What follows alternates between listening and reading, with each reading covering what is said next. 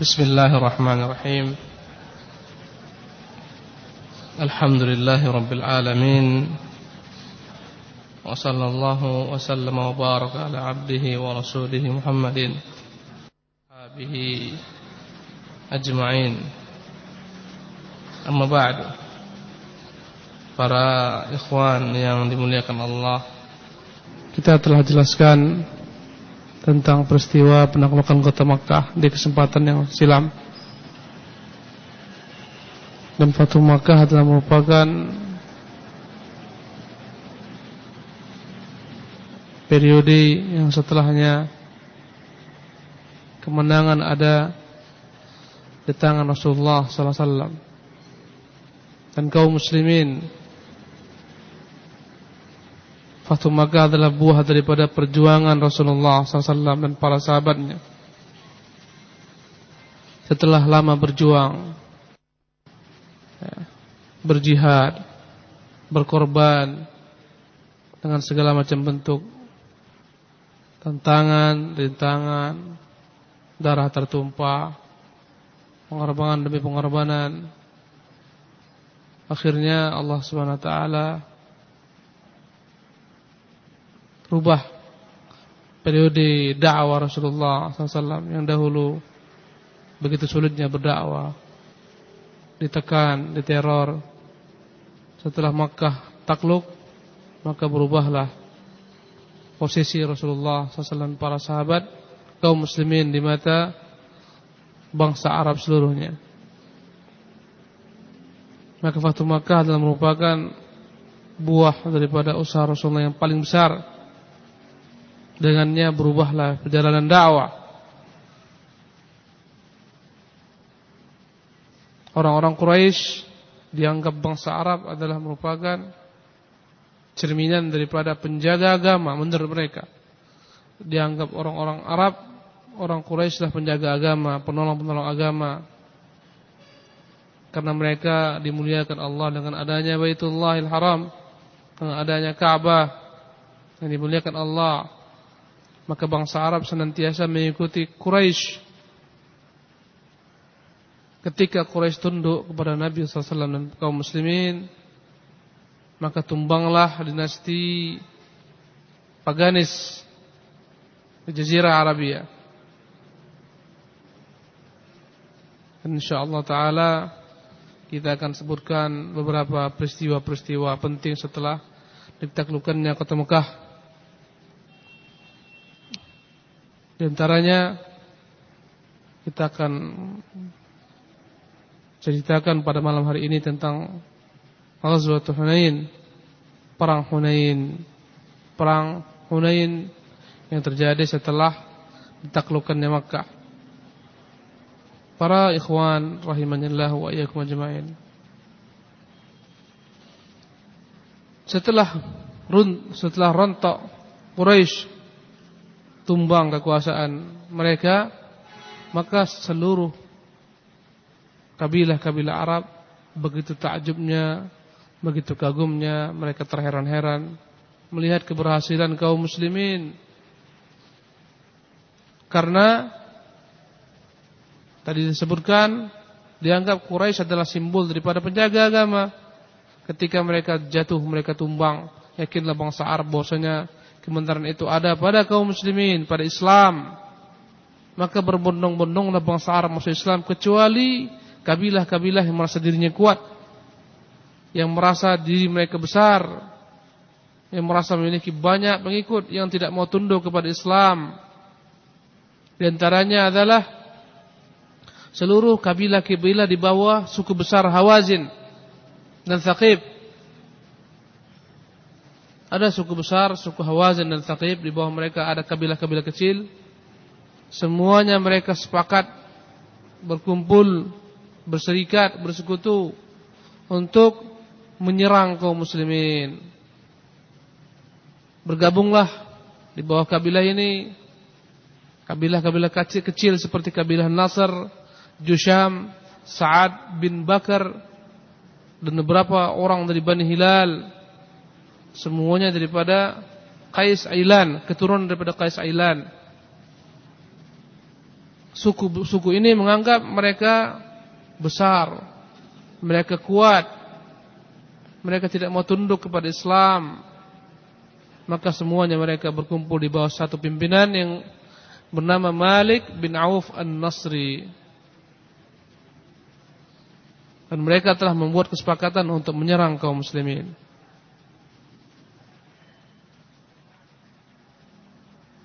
Maka mulailah pemimpin tertinggi mereka Malik bin Auf mengumpulkan semua tentaranya untuk berperang melawan kaum muslimin. Dan di antara strategi perang yang dianggap Malik bin Auf adalah merupakan strategi itu adalah dia membawa semua harta benda mereka dan semua anak istri mereka, semua dibawa. Ini strategi Malik bin Auf. Semua dia bawa, semua harta mereka bawa, semua anak istri mereka bawa semua. Berangkatlah mereka dan sampai mereka di tempat yang disebut dengan Autas. Adalah sebuah lembah.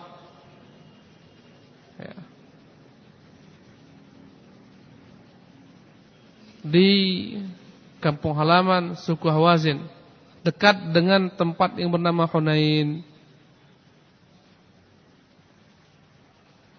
Tatkala mereka semuanya turun di Autos ini, pasukan Malik bin Auf yang terdiri pada suku Hawazin dan Thaqif berkumpullah ketika itu manusia kepadanya.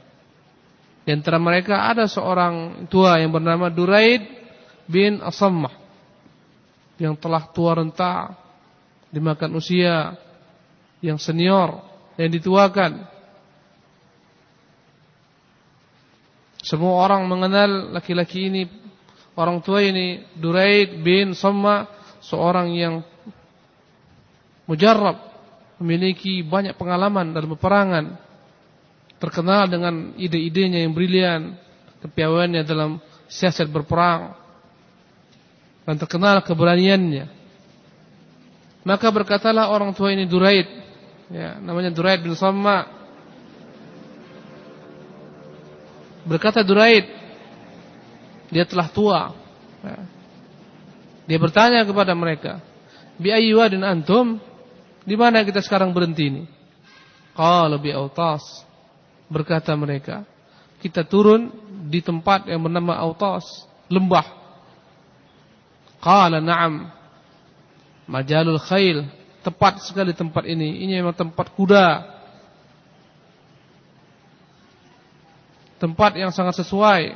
Sulit untuk diserang. Ya. Kemudian terdengarlah oleh Duraid suara-suara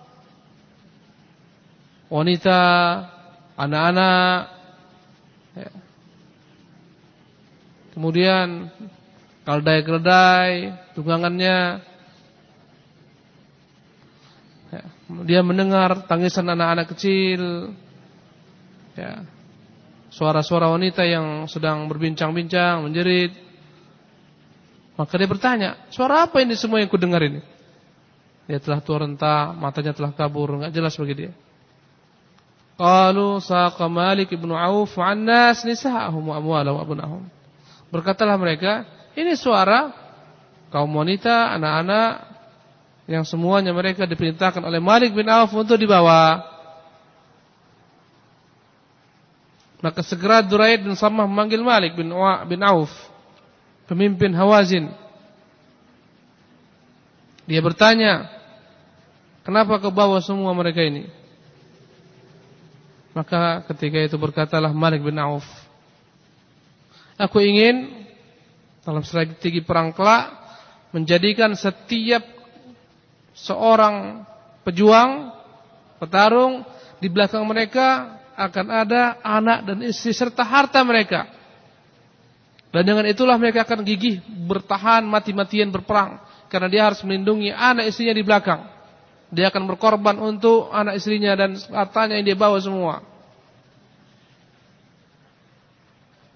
Maka berkatalah ketika itu Duraid bin Samma. Ra'i da'an wallah. Ini seperti ini akan membuat kacau balau. Ini seperti pengembala-pengembala. Kita seperti mengembala-ngembala apa namanya? kambing gitu. Sulit menjaga wanita, anak-anak seperti ini. Wahal yardul munhazimu syai'a. Kalau anda kata mereka kalah, apakah ada yang dapat menahan? Enggak ada yang dapat menahan, enggak ada gunanya. Ini akan habis semuanya. Innaha in kanat laka lam yanfa'aka illa rajulun bisayfi wa ramhi. Andai kata engkau menang, enggak ada manfaatnya di bawah ini semua. Yang bermanfaat adalah pedangmu, perisaimu. Panahmu itu bermanfaat. Wa in kanat 'alaika fadhahta fi ahlika wa malik. Kalaupun ternyata engkau kelak kalah, engkau telah membuat malu. Kau permalukan istri-istrimu, anak-anakmu semua. Menjadi tawaran musuh. Kau hinakan mereka. Kemudian dia bertanya tentang siapa yang memimpin peperangan ini. Siapa-siapa aja yang menjadi pemimpin-pemimpin dalam peperangan ini.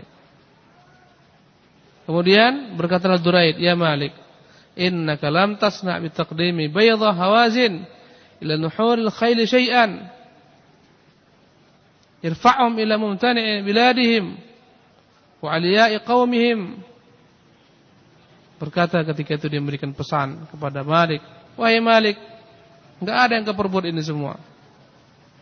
Engkau malah menghantarkan mereka untuk disembelih oleh musuh-musuh mereka. Pulangkan mereka, kembalikan mereka ke negeri mereka. Kemudian naikkan semua anak-anak kecil itu ke atas kuda-kuda, suruh semua mereka balik.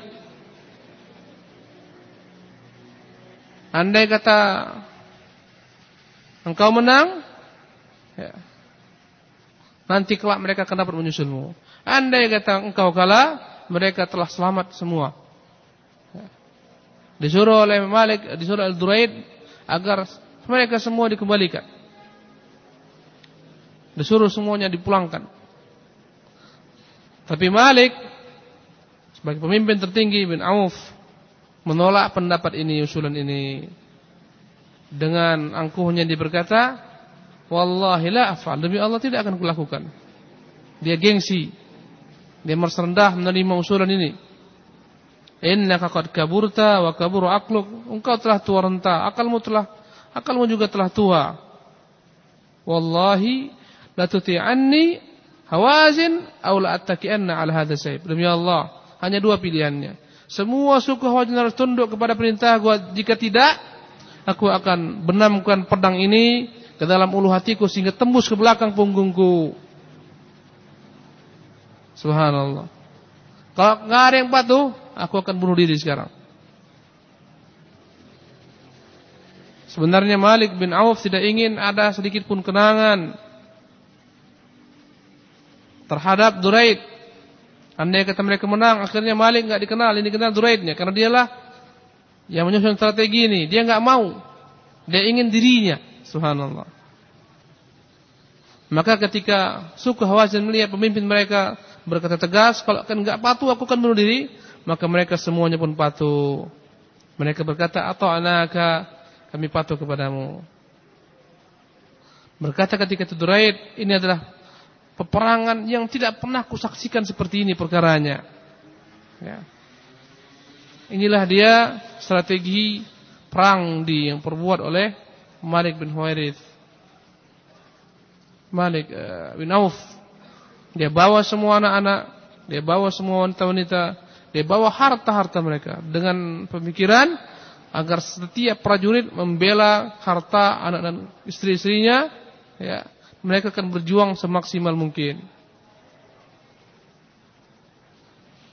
Kemudian sampailah berita keberangkatan mereka kepada Rasulullah sallallahu alaihi wasallam. Maka Rasulullah SAW mengutus Abah Hadrat Al-Aslami agar menjadi mata-mata mencari informasi tentang apa yang berkembang agar disampaikan kepada Nabi sallallahu alaihi wasallam peristiwa yang sedang berkembang. Maka pada hari Sabtu tepatnya pada tanggal 6 bulan Syawal tahun ke-8 Hijriah ya, setelah Mekah ditaklukkan karena Mekah ditaklukkan pada bulan Ramadan. 17 Ramadan. Setelah itu Rasulullah tinggal beberapa hari di sana, 19 hari Rasulullah tinggal di Mekah, baru setelah itu dia bergerak. Berangkatlah Rasulullah meninggalkan Mekah. Dan itu hari adalah merupakan hari yang ke-19 kediaman beliau di dalam Makkah. Rasulullah berangkat membawa 12.000 pasukan dari kaum muslimin. Subhanallah, banyak sekali. 10.000 daripada orang-orang yang berangkat berserta beliau menaklukkan Makkah dari Madinah dan di tengah jalan dan yang 2.000 adalah orang-orang yang masuk Islam dari penduduk kota Makkah. Dan kebanyakan daripada orang-orang yang masuk Islam dari penduduk Mekah ini adalah orang-orang yang muallaf baru saja meluk Islam. Kemudian Rasulullah minjam daripada Sofwan bin Umayyah 100 tameng atau perisai dengan perlengkapan-perlengkapan perang lainnya dan dia tempatkan di Mekah Itab bin Usaid sebagai pengganti beliau untuk menjadi imam salat. Maka ketika pada waktu sore hari datanglah seorang penunggang kuda yang beritakan kepada Nabi sallallahu alaihi wasallam bahwasanya dia melihat di gunung sana ya, telah terkumpul suku Hawazin membawa seluruh anak-anak mereka, istri mereka, harta mereka, kambing-kambing mereka semua mereka bawa, unta-unta semua mereka bawa. Subhanallah. Kuda-kuda semua dibawa. Subhanallah. Apa kata Nabi sallallahu alaihi wasallam? Rasulullah tersenyum sembari berkata, "Tilka ghanimatul muslimina ghadan insyaallah." Semua itu akan menjadi milik kaum muslimin besok.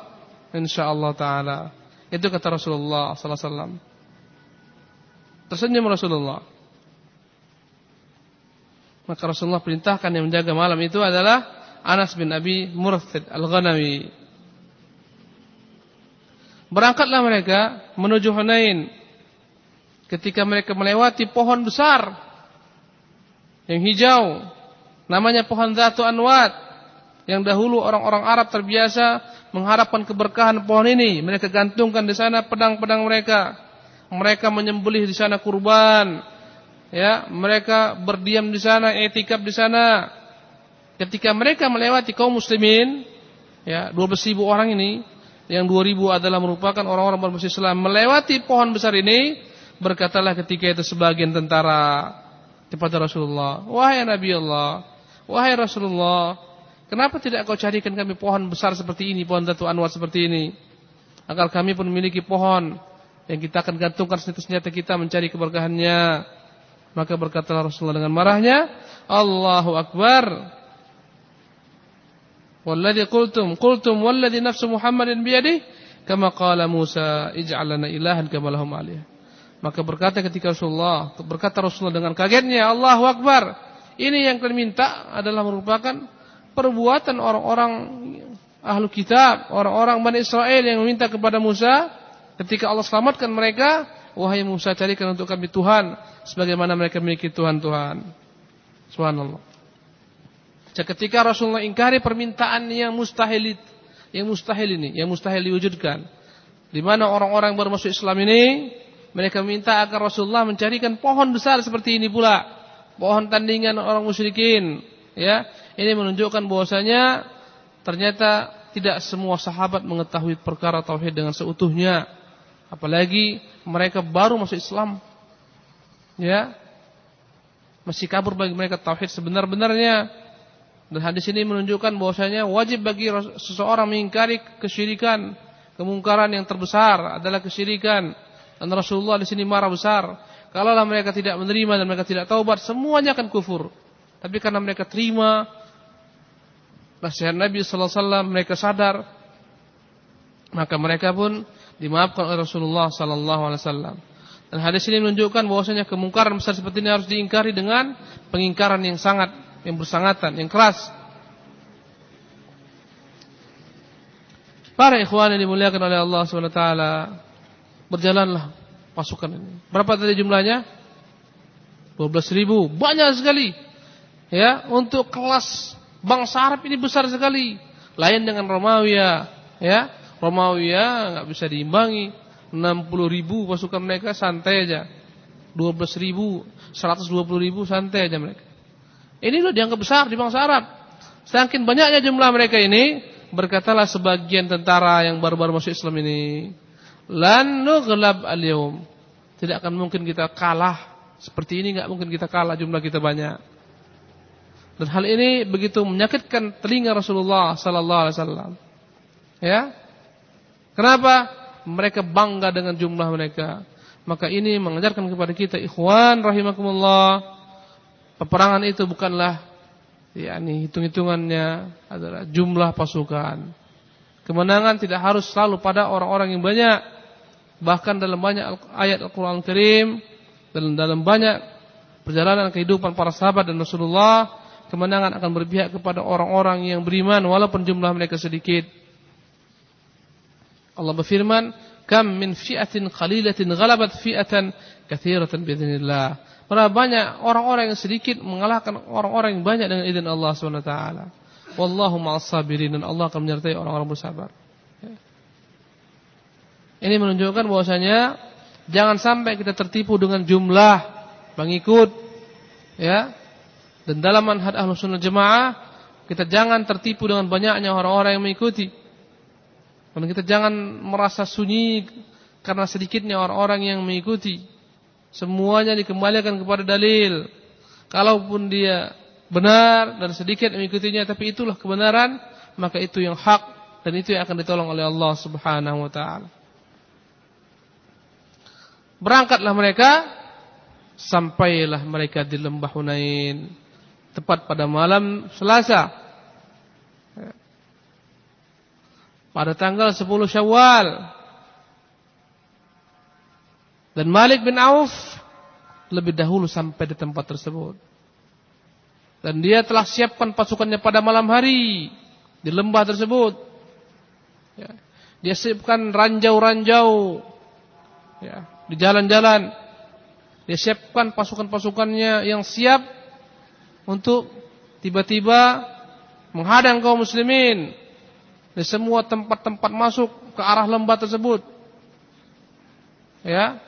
Kemudian dari sisi atas mereka juga telah tempatkan pasukan-pasukan yang siap akan menghujani panah-panah mereka kepada kaum muslimin. Dan telah diteriakkan oleh Malik bin Auf bahwasanya satu perintah. Kalau dia perintahkan mereka harus menyerang dalam satu perintah semuanya menyerang. Ya. Subhanallah. Telah tiba waktu sahur. Telah tiba waktu pagi. Rasulullah SAW telah siapkan tentara-tentaranya. Dia telah siapkan panji-panji dengan para pembawa-pembawa panji tersebut. Kemudian pada waktu pagi masih pekat sekali, masih gelap. Mereka sedang menghadapi lembah Hunain. Maka mereka pun masuk ke dalam lembah, turun. Tanpa mereka ketahui bahwasanya setiap tempat telah disiapkan ranjau-ranjau. Telah disiapkan para pemanah-pemanah. Subhanallah. Tepat di pintu masuk lembah pintu masuk lembah tersebut ketika mereka masuk semua ke dalam lembah, ketika itulah turun hujan panah. Subhanallah. Tombak-tombak. Ini siasat perang yang sangat jitu sekali. Tiba-tiba bertubi-tubi mereka kaum muslimin menghadapi serangan musuh dengan satu kali komando. Subhanallah. Maka seketika kocar kacirlah tentara kaum muslimin. Terpecah belah. Terpecah belah pasukan kaum muslimin. Allah. Enggak tahu apa yang harus mereka perbuat. Ya, sibuk masing-masing menyelamatkan diri mereka. Dan adalah merupakan ya, kekalahan yang telak. Sampai-sampai berkata ketika itu Abu Sufyan dan dia telah masuk Islam. Ya. Ini kita kalah telak. Ini kita akan akan dihabisi sampai cloud merah kita akan diserang mereka terus ini. Walaupun berlari. Maka tiba-tiba ada salah seorang pahlawan Islam yang bernama Jabalah atau Kaldah bin Junaid dengan suara yang tegar dengan keras dia berkata, "Ala batalus sahril yaum." Enggak ada lagi pahlawan kita pada pagi hari ini. Adapun Rasulullah sallallahu alaihi wasallam maka segera dia ambil jalan ke kanan. Kemudian dia berteriak kepada manusia, Halummu ilayya ayuhan nas. Mari bergabung denganku wahai manusia. Ana Rasulullah. Ana Muhammad ibnu Abdullah. Aku ini adalah utusan Allah. Aku adalah Muhammad bin Abdullah. Tetapi tidaklah ada yang tetap tegar di sisi Rasulullah kecuali segelintir manusia saja daripada orang-orang muhajirin dan ansar dan keluarga-keluarga Rasulullah, ahlu baiti Rasulullah. Allahu Akbar. Dalam kondisi yang kritis seperti itu, muncullah keberanian Nabi sallallahu alaihi wasallam yang tidak ada tandingannya. Dia serang orang kufar sendiri. Dia bacakan yakni bait daripada syair Ana nabiyyu la kadhib ana ibnu Abdul Muttalib. Ini aku nabi, bukanlah seorang pendusta. Aku adalah anak ibnu Abdul Muttalib. Ketika itu Abu Sufyan memegang kekang unta Rasulullah sallallahu alaihi wasallam. Demikian juga Abbas di samping Rasulullah. Kedua-duanya berupaya menahan unta Rasulullah agar tidak menjerumuskan dirinya ke tengah-tengah musuh. Kemudian turunlah Rasulullah sallallahu alaihi wasallam dari untanya. Kemudian dia berdoa kepada Allah taala sembari berkata, "Allahumma anzil nasrak ya Allah, turunkan bantuanmu." Kemudian Rasulullah perintahkan pamannya Abbas dan Abbas terkenal dengan suaranya yang keras agar memanggil para sahabat. Maka ketika itu berteriaklah Abbas menyeru sahabat-sahabat Rasulullah wasallam Aina ashabus samurah? Mana orang-orang yang ikut dalam bayat di bawah pohon kata Abbas. Bayat apa? Bayatu al-aqabah. Eh bayatu ar-ridwan, bayatu syajarah. Maka seketika mereka mendengar seruan Abbas, mereka berlomba-lomba berduin-duin mendatangi Abbas. Sebagaimana perumpamaannya bagaikan apa namanya sapi-sapi yang berbondong-bondong datang untuk menyelamatkan anak-anaknya daripada terkaman singa. Semuanya berteriak labbaika ya labbaik. Kami datang, kami datang menyuruh panggilanmu. Sebagian mereka enggak mampu untuk membalikkan, membalikkan kudanya, untanya, maka dia tinggalkan, dia jalan kaki dengan perisainya. Subhanallah. Karena dalam kondisi kucar kacir udah. Langsung dia tinggalkan udah untanya, kudanya untuk mendatangi seruan suara tersebut, suara Abbas. Sehingga terkumpullah ketika itu sekitar seratusan orang. Semuanya telah sepakat untuk menghadapi musuh. Subhanallah. Kemudian diteriakkan lagi seruan kepada orang-orang Ansar Abbas berteriak, "Ya ma'syarul ansar, ya ma'syarul ansar." Wahai orang-orang Ansar, wahai orang-orang Ansar. Kemudian begitulah seterusnya. Diserukan suara kepada Bani Harith bin Khazraj, berbondong-bondonganlah kaum Ansar ya, mendatangi Rasulullah sallallahu alaihi wasallam. Setelah berdatangan semua mereka yang lari kocar kacir dari orang-orang muhajirin, orang-orang ansar, sahabat-sahabat senior. Berkatalah ketika Rasulullah, "Al-an hamyal watis." Sekarang waktunya perang berkecamuk. Kemudian Rasulullah mengambil segenggam debu, kemudian dia lemparkan ke musuh, kemudian dia katakan syahatil wujuh. Celakalah wajah-wajah yang terkena ini. Tidaklah seorang pun dari kepada orang kafir kecuali debu ini masuk ke mata-mata mereka. Subhanallah, membuat kabur pandangan mata mereka. Subhanallah. Maka semakin melemahlah mereka. Tidak berapa lama daripada pertempuran ini berjalan. Ya, kocar kacirlah musuh. Berserakan mereka. Berlarian mereka tunggang langgang. Terbunuh daripada orang-orang sakib sebanyak 70 orang. Kemudian berhasil kaum muslimin mengumpulkan semua harta mereka. Subhanallah. Harta mereka, anak istri mereka semua berhasil di dapatkan oleh kaum muslimin oleh kaum muslimin. Maka Allah SWT menceritakan secara khusus peristiwa peperangan Hunain dalam firman yang mulia dalam surah At-Taubah ayat ke-25 sampai ke-26. Allah berfirman, A'udzu billahi minasyaitonir rajim. Wa yawma Hunainin idh a'jabatkum kathratukum falam tughni 'ankum syai'a wa dhaqat 'alaykumul ardu bima rahbat thumma wallaytum mudbirin. Dan pada pada peperangan Hunain, tatkala kalian bangga dengan jumlah kalian yang banyak, padahal tidaklah berguna jumlah yang banyak tersebut. Akhirnya bumi menjadi sempit bagi kalian dan kalian pun lari tunggang langgang. Thumma anzalallahu sakinatahu ala rasulihi wa ala al-mu'minin. Wa anzala junudan lam tarawha wa 'adzaba alladhina kafaru wa dhalika jazaa'ul kafirin. Maka kemudian Allah turunkan bantuannya kepada Rasulnya yang mulia dan kepada orang-orang mukmin. Allah turunkan tentara-tentara dari malaikat-malaikat yang tidak terlihat dan Allah azab orang-orang yang kafir dan itulah balasan bagi orang-orang yang kafir. Subhanallah. Larilah musuh tunggang langgang. Mereka tinggalkan semua. Yang penting diri mereka selamat. Lupa mereka anak istri mereka semua. Yang penting diri mereka selamat. Harta benda mereka tinggal.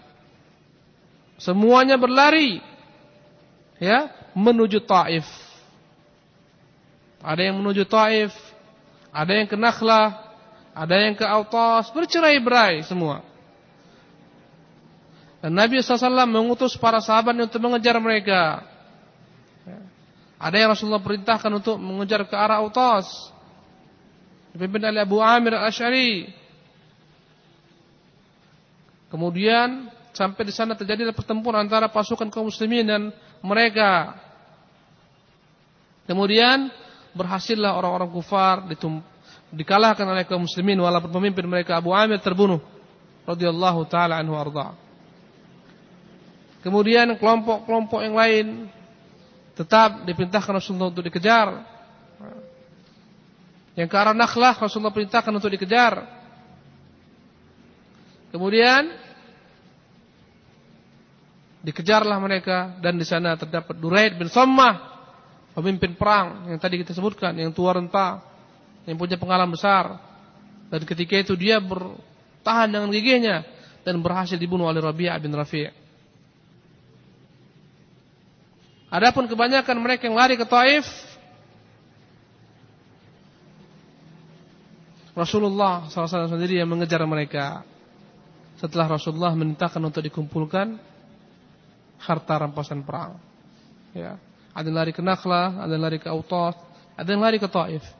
Adapun yang lari ke Taif maka Rasulullah sendiri yang mengejar mereka setelah mengumpulkan harta rampasan perang. Adapun jumlah harta rampasan perang, ikhwan rahimakumullah, ya. tawanan daripada anak-anak maupun wanita-wanita berjumlah 6.000 orang, 6.000 jiwa. Subhanallah. Adapun jumlah unta-unta mereka yang mereka bawa disebutkan dalam ya, buku-buku syirah sebanyak 24 ribu unta kaya kaum muslimin. Adapun kambing lebih banyak daripada itu. Lebih banyak daripada 40 ribu lebih. Kemudian mereka mengumpulkan juga sebanyak 4 ribu uang perak. Semua Rasulullah perintahkan untuk dikumpulkan Kemudian Rasulullah perintahkan semua harta rampasan perang letakkan di Ji'rana. Tempatkan di sana dulu, jangan dulu dibagi. Kemudian Rasulullah perintahkan Mas'ud bin Amr Al-Ghifari yang menjadi penjaga harta rampasan perang ini dengan semua tawanan. Agar kelak selesai peperangan dari Taif, barulah Rasulullah berencana akan membagi-baginya. Kemudian terdapat dalam salah seorang tawanan orang-orang kufar, seorang wanita bernama Syaima bintil Harith As-Sa'diyah. Ya, dan dia adalah yakni saudari sepersusuan Nabi sallallahu alaihi wasallam ketika Rasulullah yakni menyusu dengan Halimah dari Sa'diyah. Ketika dia dibawa kepada Nabi sallallahu alaihi wasallam dan dia beritahukan bahwa Nabi dahulu adalah yakni saudara sepersusuannya, maka Rasulullah muliakan dia, Rasulullah bebaskan dia. Rasulullah bentangkan untuknya serban beliau sallallahu alaihi wasallam. Rasulullah dudukkan dia. Kemudian Rasulullah SAW berikan baginya kebebasan. Kemudian untuknya pula Rasulullah bebaskan kaumnya semua. Allahu Akbar. Ini yang Rasulullah buat kepada saudara sepersusuannya. Para ikhwan rahimanillah wa iyyakum ajmain. Adapun Rasulullah sallallahu alaihi wasallam yang tadi mengejar orang-orang Hawazin yang berlari ke Taif ya, adalah merupakan peperangan lanjutan daripada peperangan di Hunain. Kebanyakan daripada suku Hawazin dan Thaqif mereka semua masuk berkumpul di benteng di Taif. Di bawah pimpinan Malik bin Auf. Ya, pimpinan mereka. Dan mereka semuanya berdiam dalam benteng yang tinggi, yang tinggi lagi kokoh. Maka berjalanlah Rasulullah SAW mengejar mereka. Setelah Rasulullah mengumpulkan semua harta rampasan perang di Hunain. Dan Rasulullah SAW perintahkan Khalid bin Walid untuk jalan terdepan, di depan, ya, dengan seribu pasukan. Kemudian Rasulullah SAW berjalan di belakangnya menuju Taif. Berjalan Rasulullah SAW ya, melalui jalan-jalan yang disebutkan oleh para ulama sirah. Ya. Mereka melewati jalan yang bernama Nakhlah, Yamania, terus ke Koran Manazil, terus ya, sampailah mereka ke tempat benteng berkumpulnya suku Hawazin dan Thaqif di Taif. Benteng milik Malik bin Auf. Dan sebelumnya ya mereka ketika menjumpai benteng Malik bin Auf ini mereka hancurkan di tengah jalan ya, sampai terus mereka berjalan ke Taif dan mereka melihat benteng yang lebih besar daripada itu di sanalah berkumpul orang-orang kufar maka Rasulullah SAW mengepung benteng ini ya, berhari-hari. Bukan satu malam, dua malam, berhari-hari. Dalam riwayat Anas, ya, dalam Sahih Muslim, bahwasanya pengepungan ini berjalan selama 40 hari. Walaupun terdapat persisian di antara ahli sejarah, ada yang mengatakan 20 hari, ada yang mengatakan beberapa hari, ya, ada yang mengatakan 18 hari, tapi dalam Sahih Muslim 40 hari mereka belum berhasil menaklukkan benteng Taif.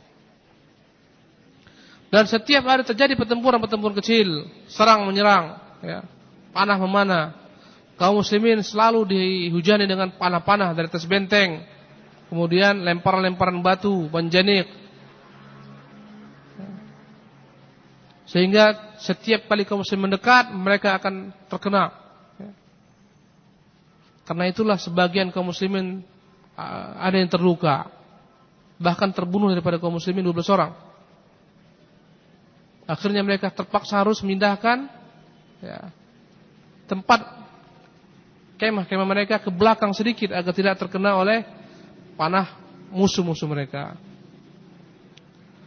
Adapun Rasulullah SAW dalam rangka untuk menaklukkan benteng ini juga memerintahkan para sahabat untuk membuat sebangsa tank yang disebut dengan menjanik alat pelempar dari dari besi yang digunakan batu sebagai pelurunya. Dan dengan tersebut, dengan batu tersebutlah dilempar benteng Malik bin Auf. Sehingga terdapat celah eh, bolong beberapa tempat. Dari sanalah kaum muslimin masuk. Dan mereka setelah sebagian masuk berupaya untuk eh, apa namanya?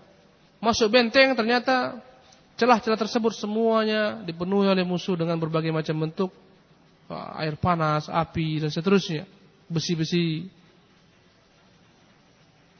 Dan akhirnya mereka kembali keluar, nggak sanggup masukinya.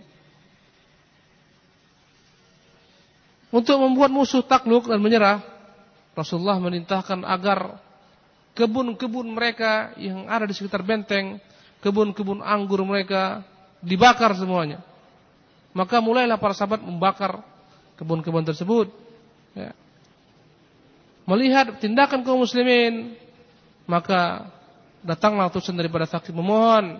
Mereka berdoa atas nama Allah, atas nama silaturahmi, tolong tinggalkan untuk kami makan tersebut, jangan lagi di, dihancurkan. Karena mereka bersumpah dengan nama Allah, mereka bersumpah atas dasar silaturahmi, maka Rasulullah meninggalkan kebun-kebun mereka tidak kembali dirusak dan dibakar. Dan berkata Rasulullah SAW untuk menarik perhatian mereka. Berkata Rasulullah, siapa pun juga yang turun, bergabung kembali, datang kepada kami, maka dia akan kami bebaskan, tidak akan ditawan. Maka keluarlah ketika itu 23 orang laki-laki daripada Thaqib di antara mereka Abu Bakrah yang kelak menjadi sahabat Rasulullah SAW. Ya. Disebut dengan Abu Bakrah karena dia bergantung di atas seperti apa namanya ya. Kalau anda kata kita menimba air di sumur apa namanya itu? Ada alat itu untuk menurunkan tali. Gerekan ya. Bakrah itu artinya gerekan. Maka dari situ dia bergantung keluar menuju kaum muslimin. Sejak itulah dia dipanggil Nabi dengan Abu Bakrah. Maka semuanya mereka dibebaskan oleh Rasulullah SAW. Semakin kacau balaulah keadaan musuh dalam benteng. Tatkala berhari-hari mereka tidak mampu melakukan benteng, ya, bahkan tidak sedikit kaum muslimin yang terluka, terkena panah dan seterusnya, ya, besi-besi, kawat-kawat, ranjau-ranjau. Bahkan musuh-musuh yang terdapat dalam benteng telah menyiapkan persiapan untuk dapat bertahan selama setahun di sana. Lengkap semua. Makan-makan mereka ada ada semua. Disiapkan setahun. Kalaupun dikepung setahun mereka akan tetap bertahan dalam itu. Kalau nggak dapat masuk ke sana kaum muslimin. Maka ketika itu bermusyawarah Rasulullah sallallahu alaihi wasallam dengan Naufal bin Muawiyah Dili. Bagaimana mereka ini? Berkata ketika itu Muawiyah, Naufal bin Muawiyah, mereka laksana sa'ala, musang ya Rasulullah. Mereka sangat tahu sudah belut tempat mereka. Ya, dikejar dari sini kan keluar dari sini. Andai kata engkau terus menerus di sini, ya, mereka tetap bertahan ya, dalam tempat mereka. Dan tidak ada manfaatnya kita di sini mengepung mereka berhari. Mereka akan tetap bertahan di sana. Tidak bisa kita uh, masuki benteng tersebut. Ketika itulah Rasulullah SAW ingin mengubarkan pasukan, menyuruh mereka semua kembali. Enggak ada gunanya mengepung benteng tidak akan dapat ditaklukkan. Maka Rasulullah perintahkan Umar agar memberikan kepada manusia pengumuman bahwasanya Rasulullah akan pulang besok insyaallah. Maka yang mau pulang silakan pulang ikuti Rasulullah SAW. Ya. Maka berat bagi sebagian sahabat. Sebagian mereka berkata, Kenapa kita harus pulang sementara kita belum taklukan musuh? Berkata Rasulullah kalau begitu, besok kita perangi lagi mereka. Besok kembali mereka berupaya untuk masuk benteng. Tetap mereka terkena panah, ya, diserang mereka, terluka mereka. Akhirnya semua di mereka berkata, "Ya Rasulullah, kalau begitu udahlah, kita tinggalkan aja lah ini. Gak bisa kita kepung mereka." Hah? Maka senanglah mereka ketika Rasulullah perintahkan besok, "Udah, kita pulang aja." Semuanya pun senang. Gak mungkin mereka taklukkan ketika itu benteng tersebut. Ketika mereka berangkat, ya, mereka berkata, Ayibuna ta'ibuna abidun. Ya, Rabbina hamidun. Ketika mereka sampai di Madinah, mereka berkata doa ini. Ayibuna ta'ibuna abidun Rabbina hamidun. kita kembali pulang dalam keadaan bertobat, dalam keadaan menyembah Allah taala, dalam keadaan memuji Allah taala. Maka ketika itu ada yang berkata, "Ya Rasulullah, ud'u ala Thaqib, ya Rasulullah, berdoalah kepada Allah agar menghancurkan orang-orang Thaqib." Maka Rasulullah menjawab, "Allahumma hdi Thaqifan wa atibim." Ya Allah, tunjukilah orang-orang Thaqib. Bawakanlah mereka semua kepadaku dalam keadaan masuk Islam. Dan akhirnya Allah kabulkan doa Rasulullah. Kelak mereka semua tanpa diperangi akan datang sendiri kepada Rasulullah. Bahkan kelak ketika murtad bangsa Arab, Thaqib tidak murtad mereka semua bertahan dengan Islam mereka. Subhanallah. Berkat doa Nabi sallallahu alaihi wasallam. Ya. Dahulu kala Taif itu adalah merupakan tempat dakwah Rasulullah yang ketika Rasul berangkat ke sana dihujani oleh batu-batu oleh budak-budak dan anak-anak. Sehingga Rasulullah berlari dan sembunyi di pohon, sembunyi di di kebun ketika itu ya. Kemudian ikhwan rahimanillah wa yakum ajmain. Setelah Rasulullah membuarkan pasukan kembali daripada Taif, maka Rasulullah SAW tinggal di Ji'ranah beberapa hari. Beberapa malam Rasulullah tinggal di sana. Tapi belum juga boleh bagi harta rampasan perang. Subhanallah. Beliau tetap bertahan dengan harapan Semoga orang-orang sakit datang kembali masuk Islam akan dikembalikan semua harta mereka dan anak-anak mereka. Subhanallah. Jadi bukan bukan harta yang harus diinginkan, bukan, tapi dakwah. Bertahan Rasulullah nggak bagi-bagi ini semua dengan harapan mereka kembali masuk Islam, dikembalikan semua harta mereka, anak dan istri mereka. Tetapi ketika beberapa hari ditunggu-tunggu mereka tidak datang, ya, Akhirnya Rasulullah SAW memulai membagi-bagikan harta rampasan perang tersebut. Agar diam semua orang-orang yang tiap hari itu aja dibicarakan. Subhanallah. Agar semua terdiam. Karena itu aja mereka tunggu. Ya, apalagi sebagian adalah orang-orang yang baru masuk Islam mualaf. Apalagi petinggi-petinggi uh, kabilah-kabilah Makkah, uh, pemimpin-pemimpin di Makkah. Maka mereka lah orang-orang yang pertama kali diberikan Rasulullah sallallahu alaihi wasallam harta rampasan perang. Diberikan harta yang banyak. Untuk Abu Sufyan saja Rasulullah memberikan ya 40 mata uang perak, 100 unta. Ya. Berkata ketika itu Abu, Abu Sufyan, "Ya Rasulullah, mana untuk anakku Yazid?" Subhanallah. Maka Rasulullah berikan seperti itu pula untuk anaknya Yazid. Berkata lagi Abu Sufyan, "Ya Rasulullah, mana untuk anakku Muawiyah?" Maka Rasul berikan pula seperti itu juga untuk anaknya Muawiyah. Dan Rasul berikan kepada Hakim bin Hizam 100 ekor unta juga. Bukan satu, 100 ekor. Subhanallah. Kemudian berkata Hakim bin Hizam, Ya Rasulullah, tambah lagi lah. Subhanallah.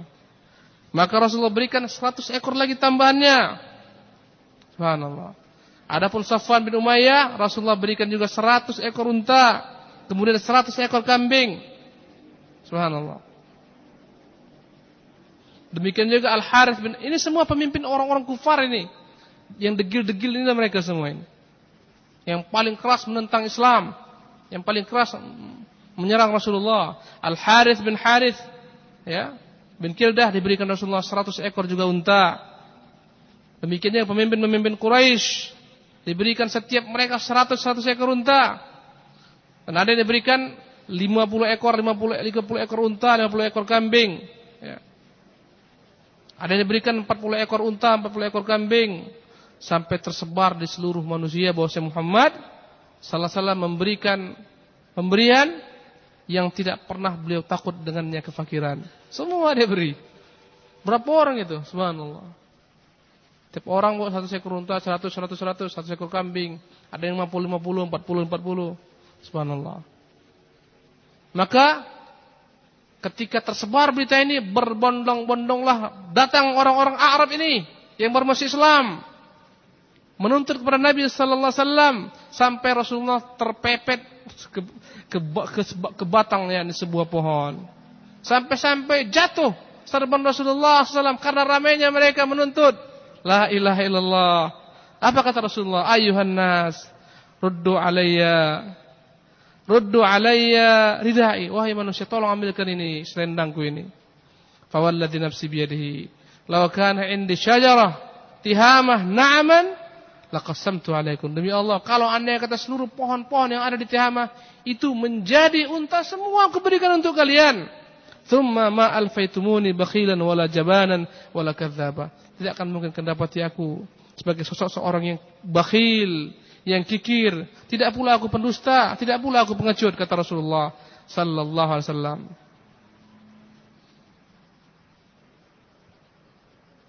Kemudian Rasulullah SAW bangun, ya, dia pergi kepada tunggangannya, ya.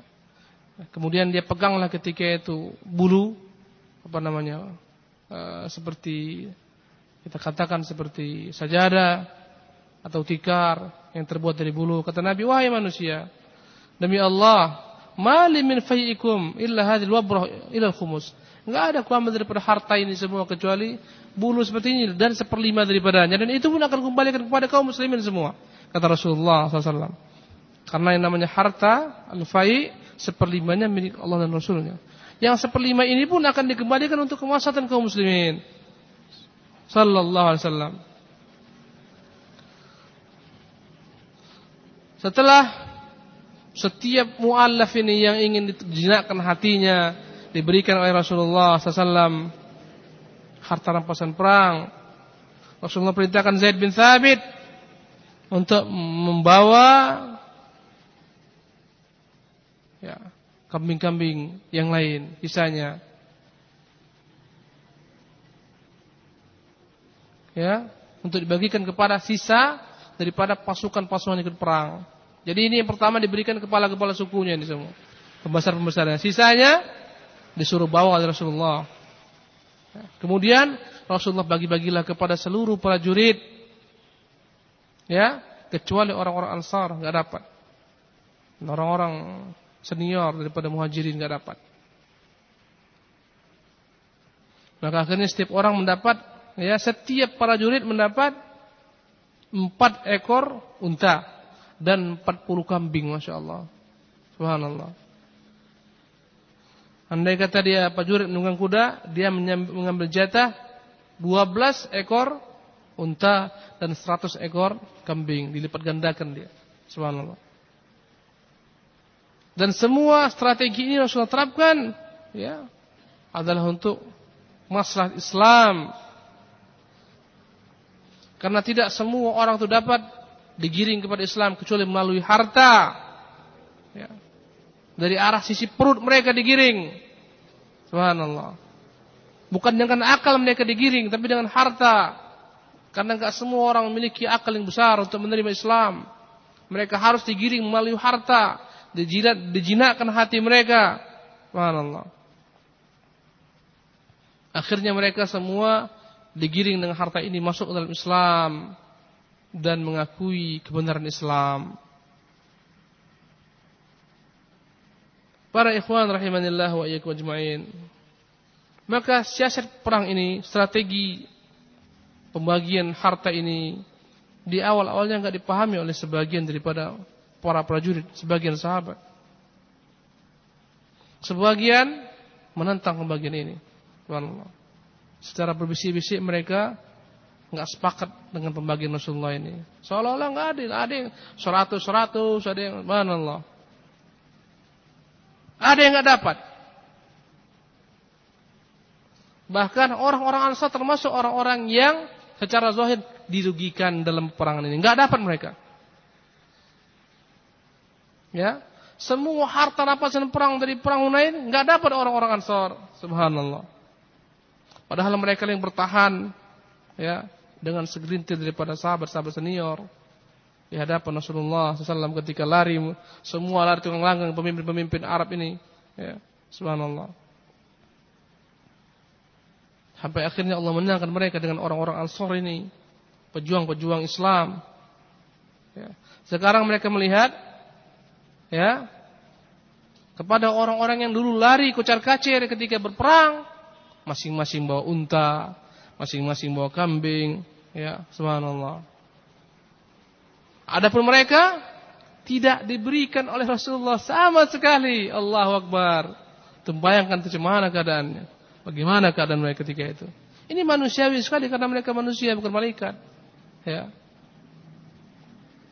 Ibnu Ishaq meriwayatkan dari Abi Sa'id Al-Khudri ya, berkata Abu Sa'id tatkala Rasulullah SAW membagi-bagikan harta tersebut kepada orang-orang Quraisy dan kepada kepala-kepala suku bangsa Arab dan suku-suku Arab sementara orang-orang Ansar enggak ada yang mendapatkan harta tersebut maka orang-orang Ansar merasa sedikit kecewa dalam hati mereka sehingga di antara mereka terucaplah beberapa ucapan-ucapan ketidaksetujuan. Sehingga ada di antara mereka yang berkata, "Laqiya wallahi Rasulullah qaumah." Demi Allah benar, benar-benar Rasulullah telah kembali menjumpai kaumnya. Lupa dia sama kita. Subhanallah. Maka datanglah ketika itu Sa'ad bin Ubadah berkata, "Ya Rasulullah, inna hadzal hayy minal ansar qad wajadu 'alaika fi anfusihim lima sana'ta fi hadzal fai' alladhi asabta. Ya Rasulullah, sesungguhnya suku Ansar ini telah mendapati sesuatu dalam hati mereka yang mereka tidak sepaham denganmu ketika kau bagi-bagikan itu semua kepada kepada kaummu. Kau berikan pembagian yang banyak di bangsa-bangsa Arab, kabilah-kabilah Arab, sementara mereka tidak dapat sedikit jua pun pembagian. Maka Rasulullah bertanya, "Fa aina anta min dzalika ya Sa'du?" Wahai Sa'ad, itu pendapat kamu, bagaimana pendapatmu sendiri dalam perkara ini? Berkata Sa'ad, "Ya Rasulullah, ma ana illa min qaumi." Ya Rasulullah, aku ini adalah merupakan bagian daripada kaumku. Apa yang katakan itu pula yang kukatakan. Sepaham dia. Ini menunjukkan mereka tidak menjilat. Banyak orang menjilat. Enggak Rasulullah memang kurang ajar semua mereka itu itu mereka memang enggak tahu diri. Ini enggak, jujur dia katakan. Subhanallah. Benar ya Rasulullah, aku ini bagian daripada mereka. Itu derita mereka, derita gue pula. Subhanallah. Ini semua ikhwan menunjukkan mereka itu adalah manusia-manusia. Yang terkadang mereka itu memang merasa sedih, merasa senang. Terkadang mereka salah paham, keliru, wajar. Mereka bukan malaikat. Dan semuanya sebagai cermin bagi kita ya, ke depan. Bahwasanya perkara-perkara seperti ini harus dijadikan sebagai ibrah pelajaran.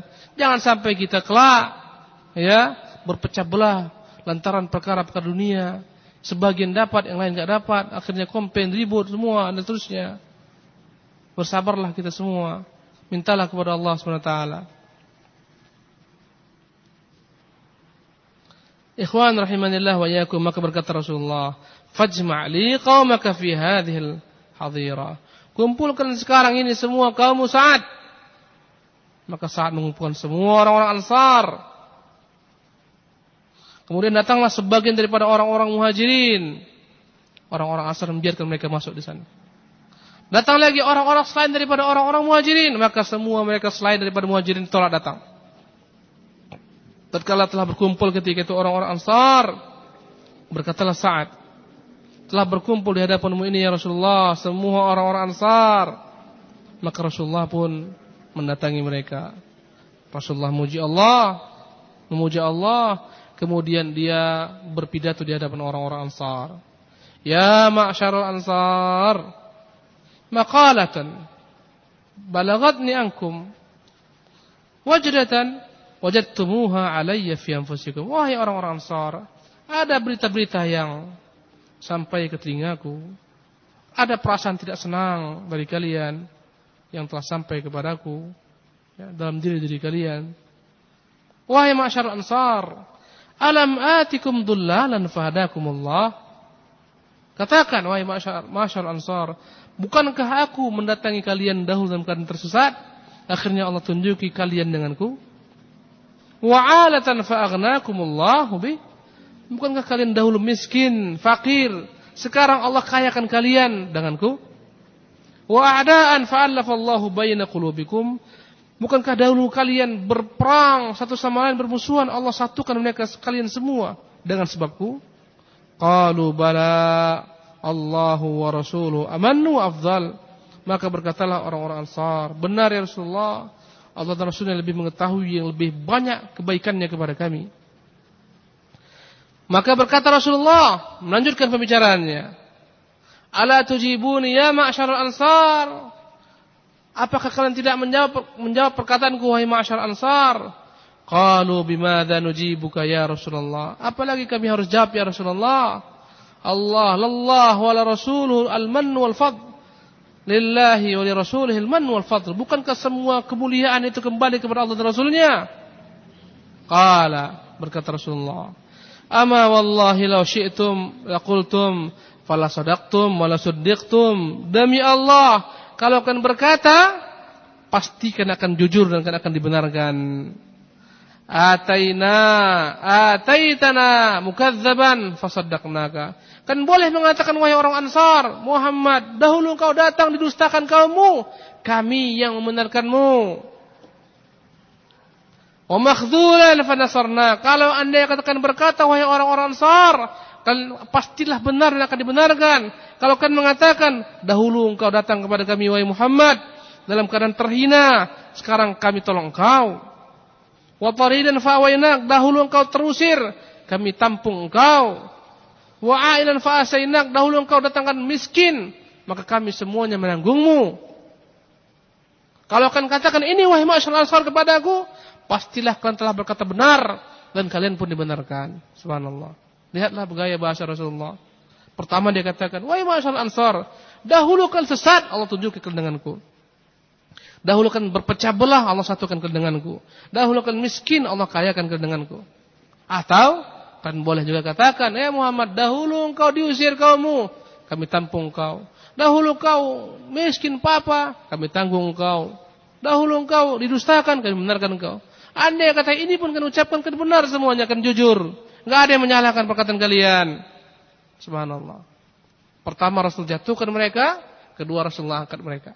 Setelah itu, ini dia intinya. Apa kata Rasulullah? Awajadtum ya ma'syaral ansar fi anfusikum fi lu'a'atin minad dunya ta'allaftu biha qauman liyaslimu liyuslimu wa wakkaltukum ila islamikum. Wahai ma'asyar ansar, apakah kamu merasa sakit hati dalam hati kalian?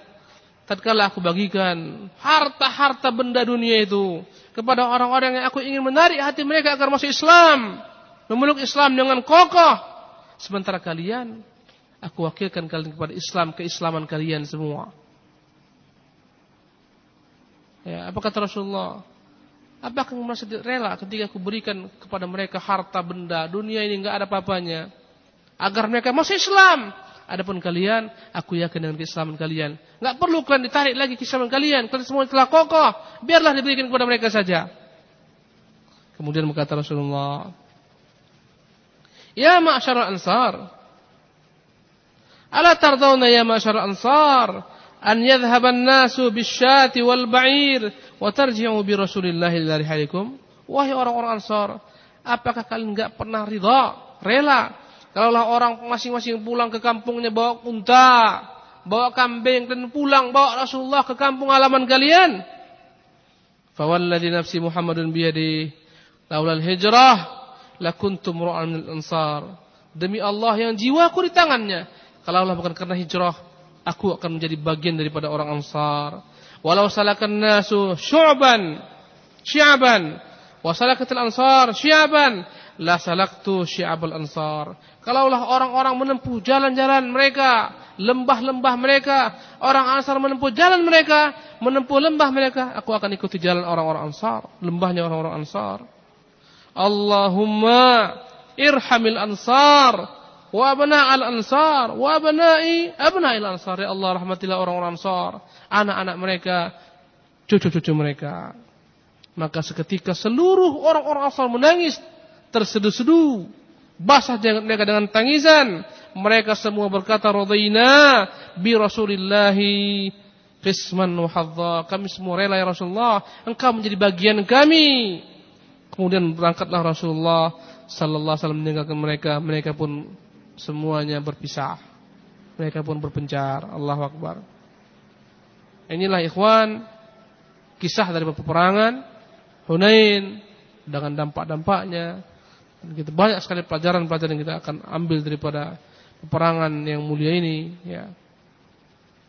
dengan peperangan apa namanya pembagian harta rampasan perang semuanya telah merupakan cerminan betapa betapa uh, hebatnya perjuangan Rasulullah dan para sahabat-sahabat beliau dalam menegakkan Islam. Betapa hebatnya pengorbanan mereka terhadap Islam. Subhanallah. Betapa hebatnya pengorbanan orang-orang Ansar untuk Islam. Dan semoga Allah SWT menjadikan kita sebagai uh, generasi yang mengikuti Rasulullah dan para sahabatnya. Aku qawli hadza wa astaghfirullah li wa lakum wa atubu ilaihi wa sallallahu wa sallam ala Muhammadin wa akhir da'wana anil hamdulillahi rabbil alamin. Wassalamu alaikum warahmatullahi wabarakatuh.